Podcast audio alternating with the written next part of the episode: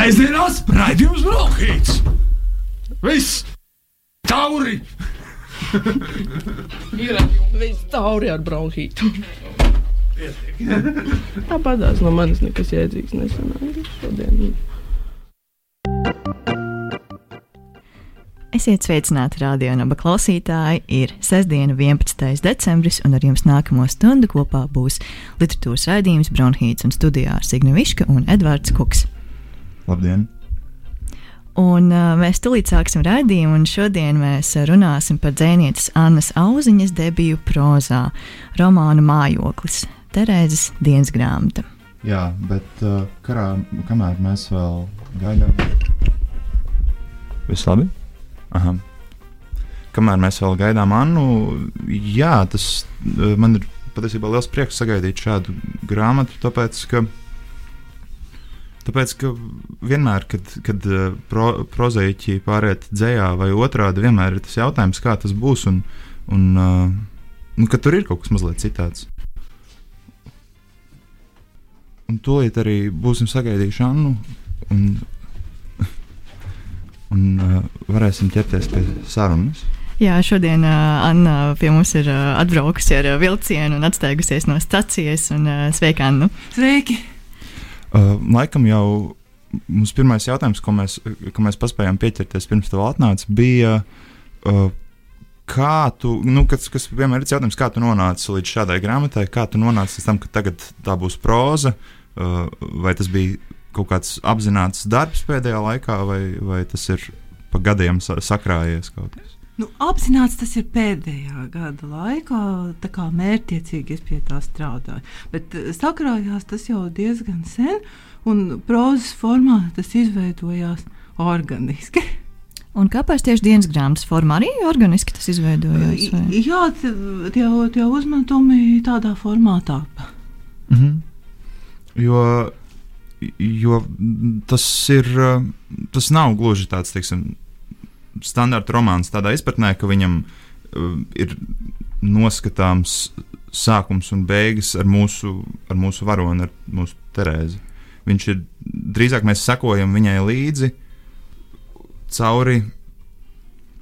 Nu, sanāk cauri ne gluži visai viņas dzīvē, bet cauri šim viņas dienas grāmatas posmam, kurš, kurš arī ir pats ar pārāvumiem. Un, un, un Jā, tam, ko viņa ir izvēlējusies atklāt eh, tieši šajā dienas grāmatā.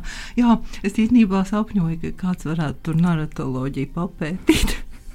Vienā brīdī es sāku, kad es, kad es lasīju, domāju, tā, tad, uh, tur tad man ir 13, un tad man ir 11, un tad es, skait, es skaitīju, tā kā bez, es ne, netaisīju gluži tādu sarežģītāku kartotēku, bet tas viss tur noteikti ir. Jā, nu, droši vien, ka vieglāk ir, kad izlasu visu, un, un tad skatās, ko viņi raksta tajā gadā, un ko viņi raksta tajā gadā. Tur, es nezinu, vai to tā pirmajā lasījumā var ieraudzīt, bet tur ir piemēram tā, ka viņi pēc dažiem gadiem kā atmiņas apskata arī tos gadus, kuros viņi jau ir rakstījusi. Mēs varam redzēt, ka tur ir lietas, ko viņi nav pieminējusi, vai kādā kontekstā tās ir apskatāmas. Jā, vai arī, kad viņi raksta par vecākām dienas grāmatām, kuras skaidrs, ka nav nokļuvušas šajā dienas grāmatā, kas ir vēl citas. mēs zinām, ka ir vēl citas dienas grāmatas, par kurām mēs neko jā, nezinām. Jā, zaļais blociņš. Jā, jā, zaļais blociņš un tā. Jā, varbūt pēc tam varēs vēl publicēt uh, nākamās daļas, kas uh, saslēgsies ar uh, šo. Bet es varbūt izstāstīšu tātad cilvēkiem, kas nav grāmatu atvēruši, kura šobrīd, kad raidījums ir gaisā, tā kā Jā. tiešajā, tad tāda droši vien ir lielākā daļa.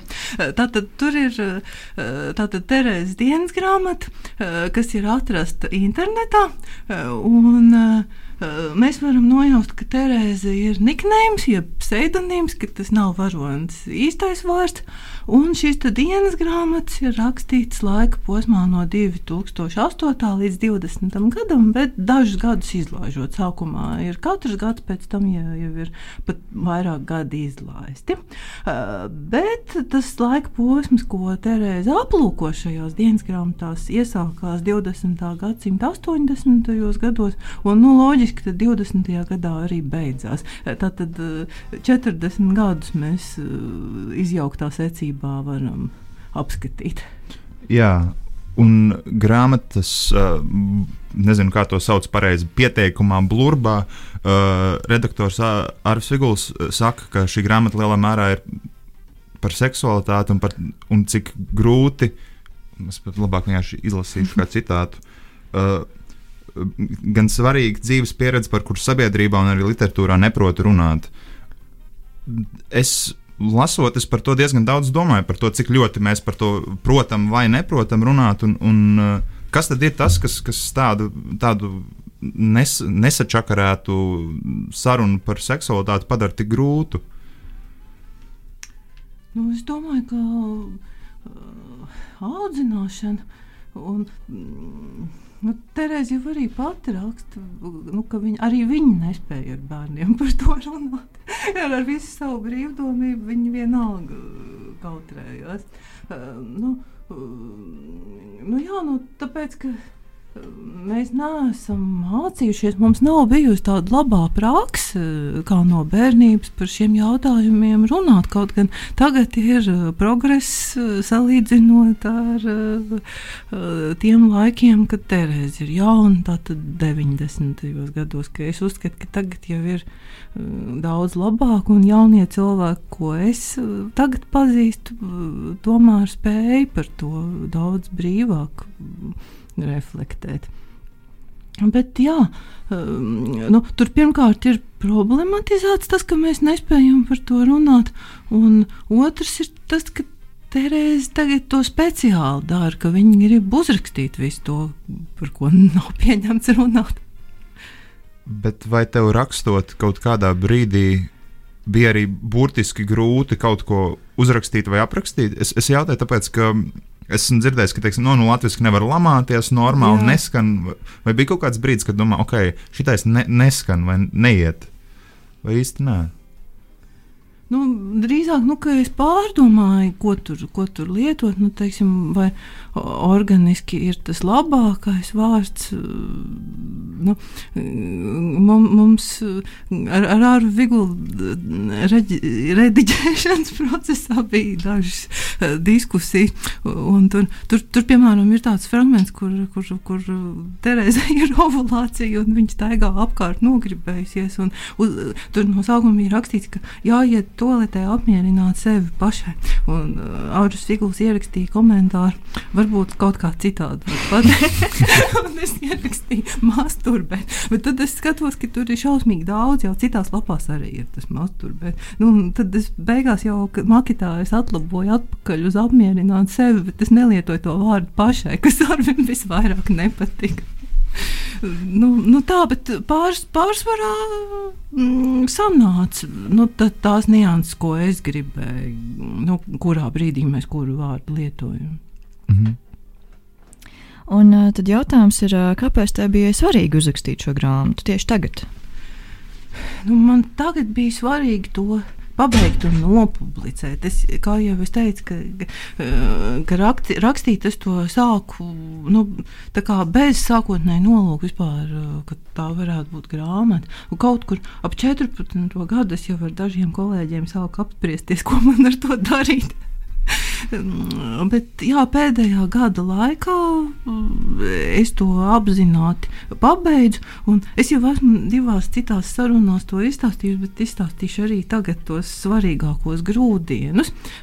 Viens bija žurnāls Strāva, kuru es arī gribu šodien pareklamēt, lieku reizi šeit ieradusies, un uz kura atvēršanu es tagad iešu pēc jūsu raidījuma. Tad mums iznāks pirmais numurs, tas bija iecerēts nedaudz agrāk, kad tas būs gada sākumā. Un eh, redakcijā mēs esam pieci cilvēki. Ivars Steinbergs, galvenais redaktors, Elvīra Bloma, Ieva Melgāla, Vārus Viguls un es. Un uh, mums bija sarunas jau pirms gada par to, kādu prózu mēs tur liksim, ka vajag kaut ko tādu, kas nav bijis. Un tad es tā bikla teica, ka es varu piedāvāt tādus fragmentiņus. Un kolēģi man ļoti atbalstīja, un Arvis arī uzreiz izrediģēja, un tāpēc viņš arī kļuva par šīs grāmatas redaktoru. Tātad pirmais grūdienis bija strāva, otrais bija pirms gada Kalnozola kalendārs, kad iznāca, viņš arī vairākās intervijās stāstīja, ka viņam patiesībā bija jāraksta kaut kas cits, nu, cik es saprotu, apmaksāts, bet viņš ir noredzējis sapnī kalendāru un tad sēdējis Nacionālajā bibliotekā caurām dienām, ēst lavijas citu cilvēku konferencēs un šo grāmatu uzrakstījis. Un es, es domāju, nu, ka man arī kaut kas tāds ir jāizdara, man ir beidzot tā Terēza jāpabeidz. Un tā kā pa, pa, pavisam traki bija, kad mira mana mamma, eh, jo viņa mm, nepārprotami viņas dzīves pēdējos mēnešos bija redzams, ka viņa pārdzīvo, ka viņa nav visu uzrakstījusi, ko ir gribējusi. Un viņa to arī tajā brīdī vairs nespēja, un es redzēju, cik ļoti viņa par to pārdzīvo. Viņa turēja to klādi līdz pēdējiem sev blakus, kaut arī viņa tur vairs nespēja neko ierakstīt. Mm, nu, tas, tas bija ļoti skumji, un es sapratu, ka man kaut kas ir jādara. Lai tā nenotiek. Un, nu jā, tad, tad, tad pavasarī es arī mm, saliku to mm, mājokli kopā. Mums no sākuma bija nosaukums seksualitātes vēsture. Es biju izdomājusi, kas Arvim patika. Nepatika Antonijai, bet tad, kad Arvis izlasīja manuskriptu, viņš teica, ka nu, patiesībā jau grāmata nav tikai par pišanos, ka tur ir uh, vēl citas ziņas. Un, uh, Nu, jā, tad viņš arī ieteica, lai es uh, izdomāju metaforu par miesu. Jo patiesībā grāmata vairāk ir par cilvēku ķermeni, par miesu. Tad es arī izdomāju nosaukumu mājoklis. Jo nu, galvenā nozīme ir mm, Bībelē mājoklis bieži tiek lietots kā svētā gara, ka miesa, cilvēka miesa ir svētā gara mājoklis. Nu, dažos tulkojumos arī templis un svētnīca, bet angļuiski tas vārds dwell, dwelling mm -hmm. un arī vairākos latviešu tulkojumos mājoklis un mājošana ir. Nu, protams, var arī citas nozīmes izdomāt. Jā. Bet uh, tas, kā tu apraksti, grāmatā tiešām ir daudz kas arī ārpus seksualitātes. Es negribu teikt, ārpus ir kāda būtu tas iekšpus, tad, bet, bet, uh, bet man brīžiem uh, radās jautājums, kā, kas, kas savieno tās, tās lietas, vai tas. Tas beigās tas ir, saki, tas ir ķermenis, kas savieno šīs dažādas lietas grāmatā. Nu, jā, ka mēs esam miesā. Jā. Nu, mēs, mēs dzimstam, mēs mirstam, un viss, kas ir pa vidu, un viss nepieklājīgās lietas, kaut kā uh, rietumu kultūrā, es uzskatu, ka kļūdaini miesa ir tikusi ilgstoši noniecināta. Un, un arī tas pats nošķīrums jau, jau pats rada to. Jā, ne, ka... arī pats nošķīrums, miesa un gars mm, jau pats par sevi ir apstrīdams. Jā, Un uh, vēl ir jautājums, vai uh, tev ir uh, iecerēta kaut kāda mērķa auditorija šai grāmatai? Ja man liekas, nu, interesanti šo grāmatu būtu lasīt uh, arī uh, jauniešiem, vai arī konkrētāk arī jaunietēm, jo tur ir ļoti daudz arī par pirmajām pieredzēm, un arī par mēnešu reizēm un tā tālāk. Bet uh, vai šai grāmatai, tavuprāt, ir kāds ideālais lasītājs? Mm. Nu, grūts jautājums. Nu, kolēģiem, kas izlasīja līdz šim, patika. Nu, protams, ka teiksim, cilvēki, un it īpaši sievietes, kas ir man, manā vecumā un manā vidē, būs varbūt lielākā sajūsmā par tām 80, 90, 2000 sākuma epizodēm.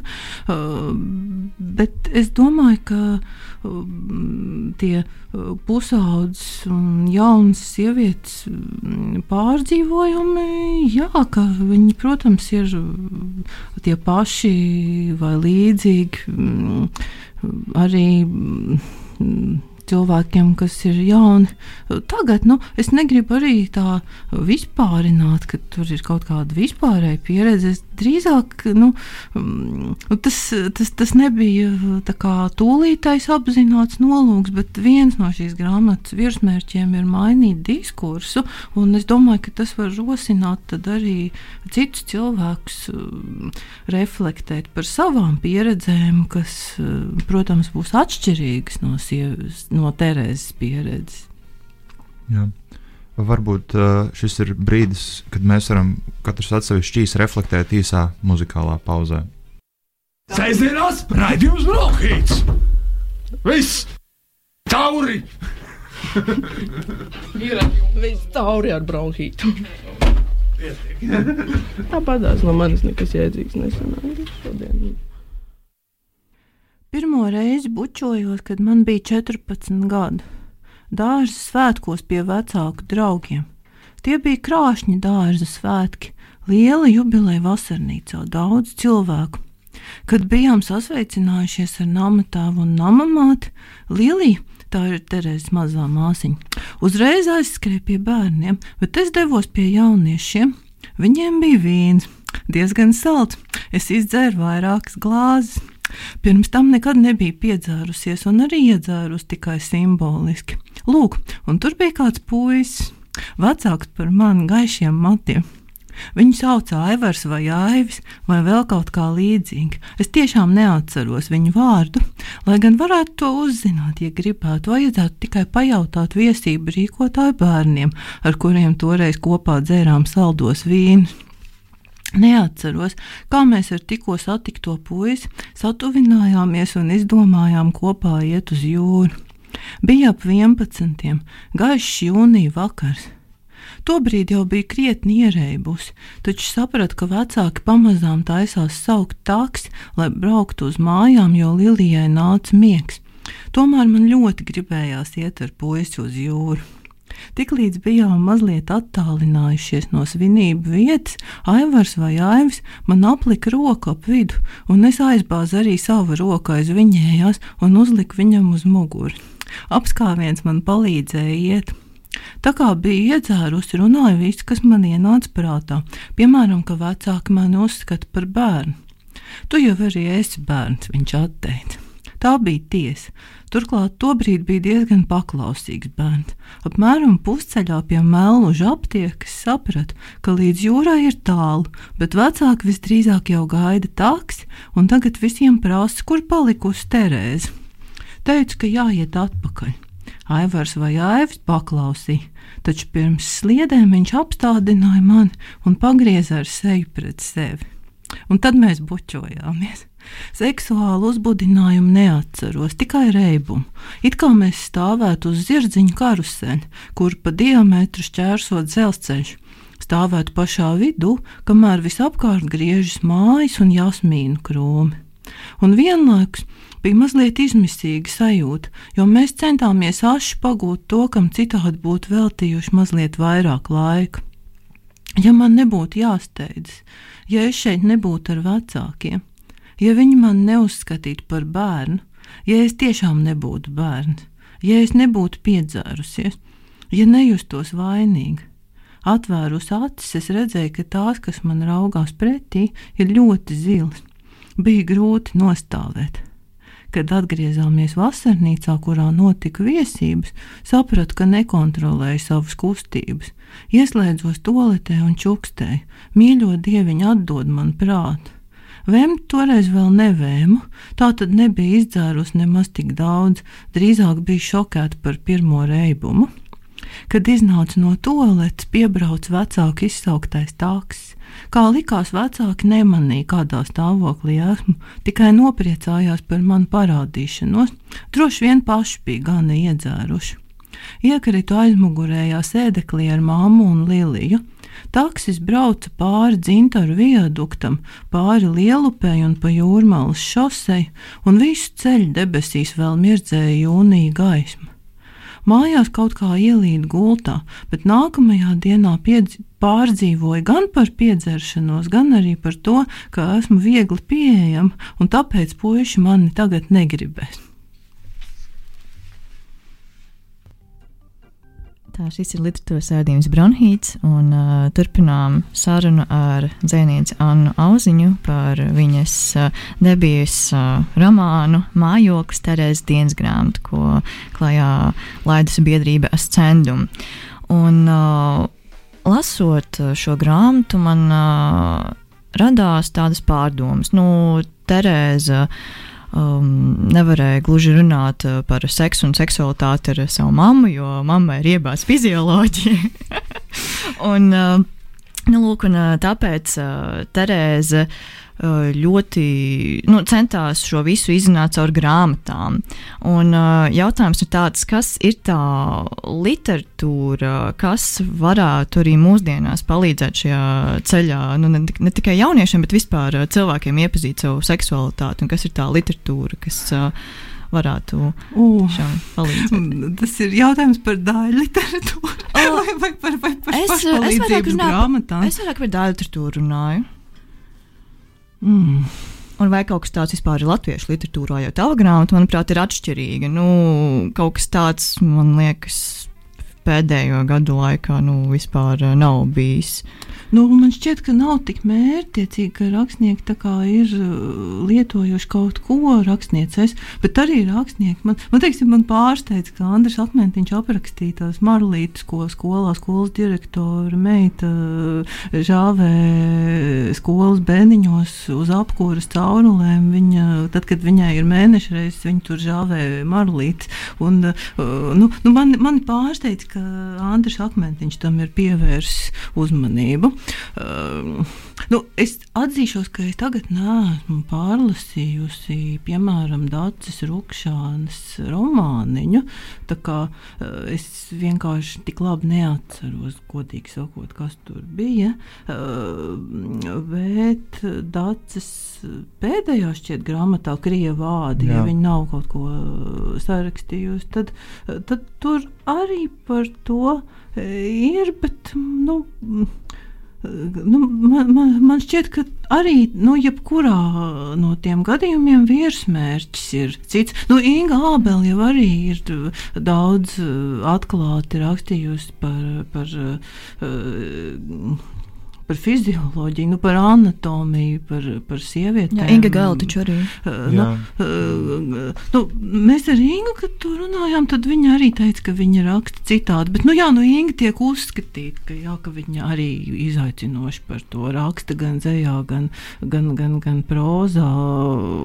Un, un, un ir, ir, ir bijušas rakstnieces vēl, kas tam varbūt mazāk tieši, bet tomēr pieskarās. Nu, uh, nu, teiksim, abortu tēmu, kas vispār padomu laikā netika risināta, bet tomēr bija Dainai Avotiņai bija grāmata Zūze, kur viss principā ir veltīta uh, pēcabortu traumai. Nu, kaut gan tā nav anatomiski uh, kā, detaļās izvērsta, tas ir emocionāls stāsts, bet tur ir uh, notikums ir nepārprotams, nu, ka, kam seko vispārējā grāmata. Tā kā Nu, bet es laikam kaut kur atvirzījos no, no tava jautājuma, kādu literatūru es ieteiktu, lai izzinātu savu seksualitāti. Nu, nu man no daļliteratūras, man laikam, Maikls Kaningēms liekas, ka ļoti dziļi par, par to uh, raksta visās trijās latviski līdz šim iznākušajās grāmatās. Ja es tagad neesmu aizmirsus kaut ko svaigāku, bet nu, nu, tā, tā, tā, stundas miesa un asinis un mājas, māja pasaules malā Un, un, un tur mm, tādās niansēs arī ir mm, dažādas cilvēku intīmās pieredzes. Un, mm, nu, un turklāt, nu, Kaningams jau tiek uzskatīts par queer rakstnieku, bet arī viņš tik mēstarīgi parāda, ka e, tā seksuālā identitāte nav viennozīmīga, ka tā ir plūstoša. Un, teiksim, mājas pasaules malā tas otrs puisis jau ir heteroseksuāls. Un, un vi... Es laikam aizrunāju. Nē, viss kārtībā. Tu ļoti plaši un uh, izsmeļoši atbildēji šo jautājumu. Uh, klausītājiem uh, es gribēju pieminēt, ka Annai arī ir. Uh, Sanāk, kā to, tā nav gluži recenzija, bet refleksija par, par avotiņu zuzi punktu. Jā, to es uzrakstīju. Jā. Ka, man liekas, arī ļoti forša sērija, kas ir mm. autora raksta par grāmatām, kas viņiem ir svarīgas, kas ir iznākušas jau pirms kāda laika. Aizmirstā grāmata. Jā, jā pareizi. Pareiz. Uh, man savukārt, es, nezinu, kā, es nezināju, kā to formulēt, kā jautājumu, bet man likās diezgan būtiska daļa grāmatas, arī tie vērojumi, un tieši šis sievietes skats par vīriešu ķermeņiem, un kā, kā es kā vīrietis lasot šo grāmatu, secinu, cik bieži patiesībā vīriešu ķermeņi tiek noklusēti, viņi tiek at, at, atmiesiskoti, viņiem tiek negluži atņemts tas viss, bet vīrietis tiek pieņemts par pašsaprotamu un vienādu tipāžu, kurā aptuveni tad ieliena, teiksim, lasītājs vīrietis. Bet, uh, jā, ir kaut kas ļoti rāms un mierinošs tajā, cik, cik normāli tie ķermeņi ir tavā grāmatā. Um, tu uzzināji, kā sievietes redz vīriešu. Es, es nejūtos to, es, protams, negrasos teikt, ka esmu to uzzinājis. Jā, jo, nu, jo, nu vienu skatījumu. Jā, jā, ir, ka, kā, nu, ne, tas ir tas jautājums, kā, kā, tad, kā tad citi cilvēki runā par, nu, ne manu ķermeni, bet, teiksim, manu ķermeni, kad manis nav. Vai ne, kā, kā, kā Terēza faktiski ar sevi sarunājas par šiem vīriešiem. Un, un man ir ļoti interesanti par, ar viņu līdzi skatīties ar savu prātu šos ķermeņus. Bet, bet kā, kā to pajautāt, es nezinu. Man tikai ir interesanti, ka tā, tā pieredze, tā, tā ķermeņa saskatīšana citādā. Nu, Nu, jā, nu es arī tagad, tā kā tev nebija jautājums, tad man nebūs arī atbilde. Bet es esmu izdomājusi tā, tādu uh, frāzi, ko, ko es varētu lietot, tu, ka arī ir vērts uzdot katram sev jautājumu, vai es gribu būt tas, kas izskatās, vai tas, kas skatās. Un, nu, piemēram, nu, kad es esmu kaut kur mežā vai kaut kādā ek, citā ekstrēmā pieredzē, nu, es domāju, ka visiem ir bijušas šādas pieredzes ne tikai pandēmijas laikā mājās, kad neviens neredz, bet arī citos apstākļos, kad vienkārši nav vairs svarīgi, kā tu pats izskaties. Un, nu, pēc tam, ja tev kāds nofotografē, tad izrādās, ka iespējams tu esi izskatījies ļoti labi. tieši šīs atbrīvotības eh, dēļ. Eh, un, mm, nu, nu, jā, nu, atgriežoties pie eh, tevis ierosinātās tēmas, nu, nu šķiet, ka Terēza grib būt tā, kas skatās. Nu, nu, viņi tā kā arī mazliet paironizē par savu gaišu zilo lēncīšu, ka rekliņu no, no kur krīt ārā pupi, bet tā viņi daudz uz to nekoncentrējās. Varbūt viņi, nu, Jā, viņas viņi ķermenis... uzaudzē kažociņu. Viņas ķermenis ļoti daudz ir visādas vairāk sajūtas, pieredzes, es esmu atbrīvota, es neesmu, bet tie, tie citu cilvēku ķermeņi ir daudz uh, nu, negribu teikt, ķermeniskāka, bet viņi ir aprakstītāki, jo, viņi, jo viņai ir liekta šīs sajūtas, kas ir šajos citos ķermeņos. Nu, jā, Tā nu, viņa, viņa, viņa mērķtiecīgi skatās. Un interesanti, ka tas nozīmē, ka viņi ar visu šo laiku faktiski sanāk kaut kādā ziņā ar savu prātu, acu, ja viņi tiek atpakaļ šo filmu un ir skatījusies tad, tad viņa tā, tā vienkārši viņa ir iekārtota. Nu, nu, jā, nu viņa jau no bērnības ir par to interesējusies. Mm. Bet interesanti, tajā iepriekšējā jautājumā, kas, ko jūs ar Signu runājāt, tas bija vēl pirms iepriekšējās pauzes, par, par to, kā, nu, kā, par to, kā par seksualitāti runāt, un ka, ka tas ir kaut kādā ziņā iepriekš bijis nepacelts. Bet man lasot, nevienā brīdī nejūtās it kā tiek atklāts kaut kas man aizliegts. Bet varbūt tas arī ir tas, kāda ir šādas grāmatas jēga, ka tas nav. Ka tieši ka tas, ka tā nav tāda paceltā tēma, viņa vienkārši tur ir. Nu, nu jā, nu, mēs tāpēc uzlikām to arī citādi uz aizmugurējā vāka. Tur tā daļa, ko tu nenolasīji, ir, ka tur nav ne tabū, ne erotikas, ne pornogrāfijas nu, šajā seksualitātes skatījumā. Ka, nu, tas, tas, tas, ko es mēģināju uh, rakstīt par, par šo te, uh, ķermenisko un lielā mērā seksuālo pieredzi, kā par jebkuru citu pieredzi. nu, kaut kā tā. Jā. Un varbūt šis ir īstais brīdis pāriet nākamajā muzikālajā pauzē, par kuras pēc tam mazliet pajautāšu tev par šīm izvēlēm, jo tu teici, ka šīs ir Terēzes izvēle.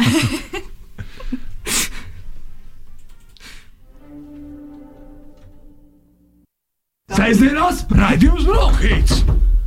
Viss! Tauri! Ir viss tauri ar bronhītu. Tāpatās no manis nekas jēdzīgs nesanāca šodien. Bērnu slimnīcā. Līdz nepilnam 13 gadu vecumam, kad man izgrieza aklo zārnu, nereiz nebija gulējusi slimnīcā un briesmīgi baidījos tur nonākt.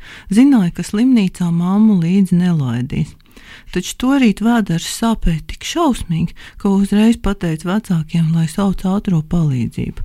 Slimnīcā man vispirms jautāja par mēneša reizēm, kas tieši to vasar bija sākušās. Tas bija mulsinoši, un mamma atbildēja manā vietā. Beig beigās mani paturēja vēdera nodaļā, un, kad nemitējos sūdzēties, aizved uz operāciju zāli. Pirms tam medmās ar skrāpējošu skuvekli man noskuva kaunumu apmatojumu. Briesmīgi kautrējos. Toties aizmigšana man patika, ķirurgs laipni jokojās un iemiegot redzēja zeltainu gaismu. Kad pamodos, stipri slāp un brūce ļoti sāpēja. Tomēr to visu varēja izturēt, un es drīz vien atveseļojos. Palātā bija daudz meiteņu, lielākā daļa maziņas. Vismazākajai divgadīgajai pa dienu varēja būt klāt mamma. Tā bija gudra meitenīte, iemācījusies no galvas bilžu grāmatas tekstu tā, ka šķita lasām. Bija vairākas bērnu dārza vecuma meitenes bez mamām. Es sukāju viņām matus un pinu bīzes. Viena man palikusi prātā, smalkā balstiņā atskaitāmies dakterim, vai un kad viņas kakā bijušas asinis. Tad bija vairākas meitenes skolas gados, bet jaunākas par mani, un viena lielāka, ar kuru es sadraudzējos. Viņi gribēja ar mani runāt par mēnešreizēm un zēniem, un vēlāk rakstīt detalizētas vēstules par pumpu spiešanu pie kosmetoloģijas. Tās visas bija tēmas, kuras nebija gatava brīvi apspriest, lai gan interese bija. Tomēr ar šo meiteni laiks slimnīcā pagāja daudz ātrāk. Flaneļa pidžamās stāvējām gaitenī pie atvērta loga un pļāpājām. Ārā bija rāma, saulaina augusta pēcpusdiena. Jutos tīra vai laimīga, jebkurā gadījumā tā bija mana dzīve, un es tajā izteikti klātesoša. Sveicināti klausītāji! Šodien ar mums Bronhītas studijā dzinēja Anna Auziņa. Tikko dzirdējāt fragment no grāmatas Mājoklis Terēzes dienas grāmata. Un tuvojoties raidījuma izskaņai, uh, es gribēju pajautāt, kaut kādā ziņā iepriekšējais fragments man atgādināja dzējoli no Annas Pūrgovas, tur, kur bija dievi. Dieviņi atdod man prātu, vai tā, un neatdod man apziņu, vai prātu? Atdod man prātu, tur bija tieši tādiem pašiem. Tieši, jā, es pēc tam atradu to vietu arī grāmatā, un skaidrs, ka šādas paralēlas jau ir visu laiku, un tomēr tev gan, gan tur, gan šeit parādās kaut kādas paralēlas ar, ar tavu dzīvi, un es gribēju pajautāt, vai nekļūst nērti, vai, vai ir kaut kādas situācijas, kur, teiksim, rādot saviem bērniem grāmatu, kurā negluži ir viņi, bet ir paralēli, teiksim, paralēli viņi, citi viņi. Vai nesanāk neveikli vai Nu, kā nu, bērni jau nav tik traki, bet, teiksim, ja vecāki būtu dzīvi, es droši vien ar pseidonīmu būtu izdevusi. Nu, nē, nu es, es, es, es pateicu ģimenei, es pateicu, ka man bija svarīgi to uzrakstīt, un viņi to pieņēma. Nu, un, teiksim, tā kā um, citiem ģimenes locekļiem, kas vispār lasa, nu, viņiem varbūt būs grūtāk lasīt, uh, nu, ka viņi nevarēs to uztvert tā kā vispārējie lasītāji. Nu, ko lai saka, nu, atvainojos par sagādātajām nērtībām. Bet vai vispār ir tādas patiesas nērtības kaut kādās situācijās, vai īsti nav? Mm, Vēl jau grāmata tikko iznākusi. Nē, nu, rakstīt, nē, nu, nu kā. Nu, es, es, es par dažām vietām domāju, ka varbūt jāmet ārā, bet nu, tad domāju arī, lai iet. Nu, Jāmet ārā tieši tāpēc, ka iz, izlasīs kāds, kas tevi Nu, pazīst. Dažādu, dažādu, dažādu iemeslu dēļ, bet nu, beigās es, es ieliku visu, kas man šķita uh, svarīgi. Un, uh, ja es kaut ko izmetu, tad tas bija drīzāk tāpēc, ka tas nebija tik nozīmīgi kā literārs teksts. Nu, uh, kā, kā, tā, jo tāda. um, Pašcensūra jau daudziem rakstniekiem un visos laikos ir bijusi problēma, tas ir atsevišķs jautājums. un Es arī pārāk daudz negribu par to. Jā, protams. Jo, jo es arī vienā brīdī es beidzu par to domāt. Kaut kādā brīdī tikai bija kaut kādi fragmenti, kas man ā, ā, sasaistīja atpakaļ pēc tam kopā to visu. Tīri tā. Un, jā, grāmata ir tikko iznākusi, un vai ir plānots kāds atklāšanas pasākums vai kāds cits notikums, kā šo atzīmēt? Nu, es tagad laikam nevarēšu atbildēt uz šo jautājumu. Tur, tur, tur mums ar, ar biedrību stendumu vēl par to ir jāparunā. Ah, tātad tas vēl ir nākotnē rakstīts, un tad, Jā. tad gaidīsim jaunumus par to. Bet uh, varbūt pirms, pirms mums vēl ir laiks doties, varbūt tu gribi pastāstīt mazliet, uh, kas ir gaidāms uh, šovakar. Un kas ir gaidāms tuvākajās nedēļās uh, arī potenciāliem strāvas lasītājiem, jo tie, tie arī ir jaunumi, ko mēs diezgan. Jā, Jā, tātad jā. es jau minēju, ka šovakar ir žurnāla strāva pirmā numura atvēršana. Um, Diemžēl skaitliski ir ierobežojums, un mēs jau slēdzām pieteikšanos apmeklēt pasākumu, bet pats žurnāls mm, jau tagad ir Rozes grāmatnīcās. Uh, Un arī mm, Facebookā var skatīties žurnāla strāva visas ziņas. Uh, nu, žurnāls strāva ir jauns literatūras uh, žurnāls, uh, ko mēs esam iecerējuši kā žurnālu, kas uh, pievērš uzmanību gan aktuālajam procesam uh, Latvijā, kur būtu literatūra kritika, uh, gan uh, tam, būt, tam būs spēcīga mm, teorētiskā sadaļa. Nu, uh, piemēram, uh, šajā pirmajā numurā mums ir uh, uh, tāds jau hrestomātisks teksts kā Dons Haravejs keyboard fragments uh, Ievas Melgāles tulkojumā. Um, nu, nu, lūk, nu, un, Atšķirībā no varbūt līdzīga procesu aplūkojot žurnāla domzīme, mēs esam uh, vairāk koncentrējušies uz liberālo un sociālo. Mums ir tāds atvērts uh, skatījums. Nu, ko- es vēl saku? Šovakar būs lasījums, uzstāsies mūsu autori Maija Trēle, um, Aivars Madrs, Sintīna Sudmale. Lasīs savus darbus, tad jau Melngāla tātad lasīs tulkojumu fragmentu, un Arnēs Miecenhofs arī lasīs uh, divu zviedru uh, dzēnieku. Anna Saksforša un Elisa B- Biro. Es, es tagad baidos izrunāt viņu vārdu. Tātad kopdarbu ar nosaukumu Dod man krānu. Ļoti garš dzējoli. Es, es arī mazliet palasīšu, jo kaut gan mēs Terēzi neiekļāvām žurnālā, jo mēs jau zinājām, ka iznāks grāmata, bet tāda bija sākotnējā iecerē, un tā kā mums pasākums ir prozas lasījuma programmā, tad es arī to, to palasīšu. Um, Tā, tā kā jā, bet nu, pats, pats, pats galvenais ir uh, žurnāls. Mm, Man šķiet ļoti, ļoti skaists ir sanācis un ar spēcīgiem tekstiem. Mums ir arī jau klasiķi, kā Pauls Celāns, Jānis Vērdiņš atzējojumā arī. Mm, Nu, tā kā lasiet. Jā, un raidījums Bronhīts uh, arī dosies uz strāvas atklāšanu un ierakstīs šos lasījumus, tāpēc arī nākamajā raidījumā varēs dzirdēt kaut ko no tā, pat ja jūs nebūsiet pasākumā, tāpat varēsiet pieredzēt strāvu. Jā, un vai tagad jau ir zināms, cik bieži šis žurnāls iznāks, vai tas būs tā saucams ceturkšņa raksts, vai pagaidām vēl nav? Nu, mēs joprojām ļoti ceram, ka mēs nākamajā gadā saņemsim kultūra kapitāla finansējumu un iznāksim vispirms četras reizes gadā, pēc tam sešas. Uh, bet uh, šo žurnālu mēs esam izdevuši uh, vairākiem redakcijas kolēģiem ieguldot uh, savus uh, privātos līdzekļus.